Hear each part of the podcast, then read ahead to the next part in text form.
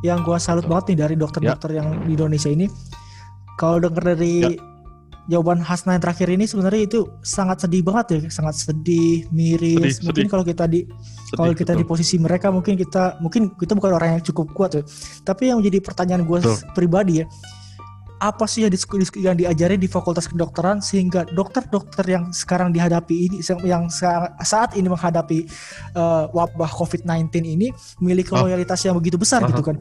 Coba kita kan tadi udah panjang nih diskusi sama Hasna nih. Begi, setelah begitu beratnya cerita-ceritanya dari Hasna nih yang cukup menyedihkan ini, tapi Hasna masih mau tuh untuk balik ke Wisma untuk balik ke Wisma untuk berperang Ya. lagi melawan penyakit-penyakit. Jadi sungguh rasa yang terima kasih sebenarnya dan juga rasa yang yang sebenarnya wah ini sebenarnya pada pada tahun 2020 ini pahlawan itu saat ini ada di dokter gitu ya kan ya Iya.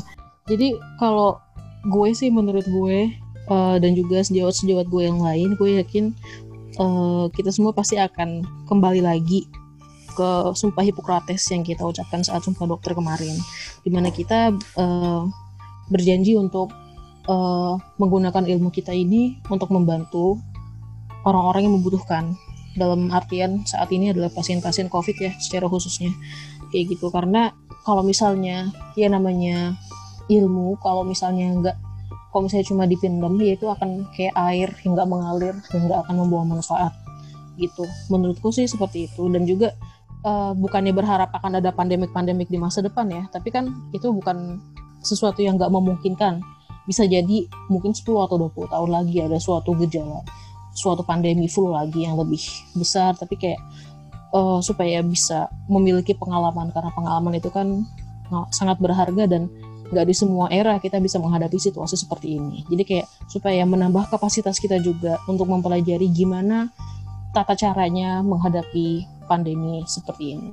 Ya, luar biasa banget ya memang um, para dokter ini untuk mengabdikan dirinya di untuk iya betul untuk apa ya habis. Ya itu dia gue masih salut juga sama lu eh, Hasna. Karena lu begitu mau ya dari dari Tangerang untuk masuk ke dok, eh, ke Wisma Atlet. Dalam artian kan lu sebenarnya bisa aja memilih untuk tidak melakukan apa pun kan Eh, karena gue begitu gue lebih memilih tidak melakukan apa pun demi menyelamatkan COVID. Karena emang tipikal gue kan mageran gue di kosan aja gue di rumah aja. Tapi dengan begitu gue menyelamatkan COVID. Tapi kan tidak dengan lu karena lu mempunyai um, satu pendidikan dan um, yaitu menjadi dokter gitu kan. Ya itu juga yang bikin gue salut sama lu juga. Lu sampai mau untuk ke sana gitu itu juga yang membuat gue tersadar juga gitu.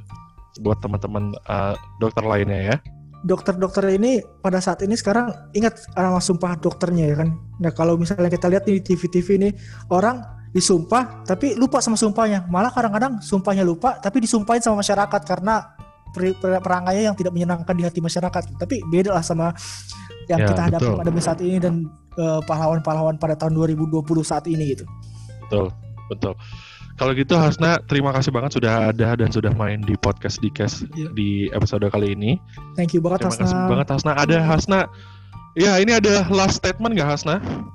Last statement buat kita semua, ya yes. Eh, untuk saat ini ya eh, patuhi protokol kesehatan. Sebenarnya aku nggak bisa menekankan dengan cukup seberapa pentingnya ini dan juga yang baru jangan pakai masker scuba. Karena aku dari awal juga aku nggak pernah pakai masker scuba karena aku udah tahu sih ini maskernya sangat nggak efektif. Dan udah tahu kan kalau sekarang itu sebenarnya covid sudah ditetap- ditetapkan sebagai penyakit yang airborne which means uh, dia bisa ditularkan lewat udara. Ya mungkin karena itu tadi karena dari bersin atau dari penggunaan masker scuba yang uh, menjadikan partikel-partikel partikel droplet malah jadi aerosol jadi lebih bisa bertahan lama di udara dan orang-orang akhirnya kena lewat udara kayak gitu.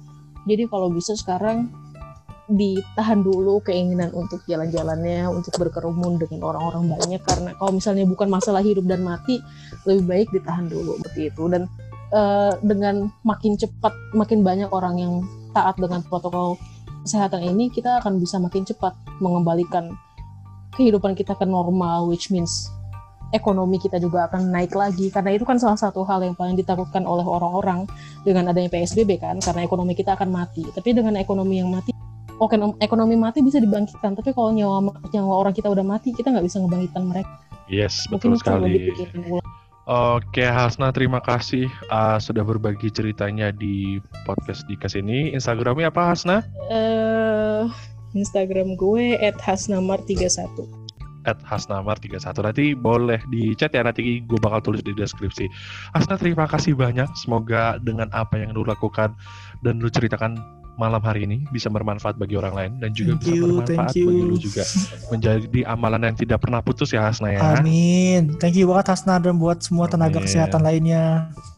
Betul. Kita berdua apresiasi banget. Kita berdua salut banget sama um, tenaga kesehatan dan tenaga medis juga.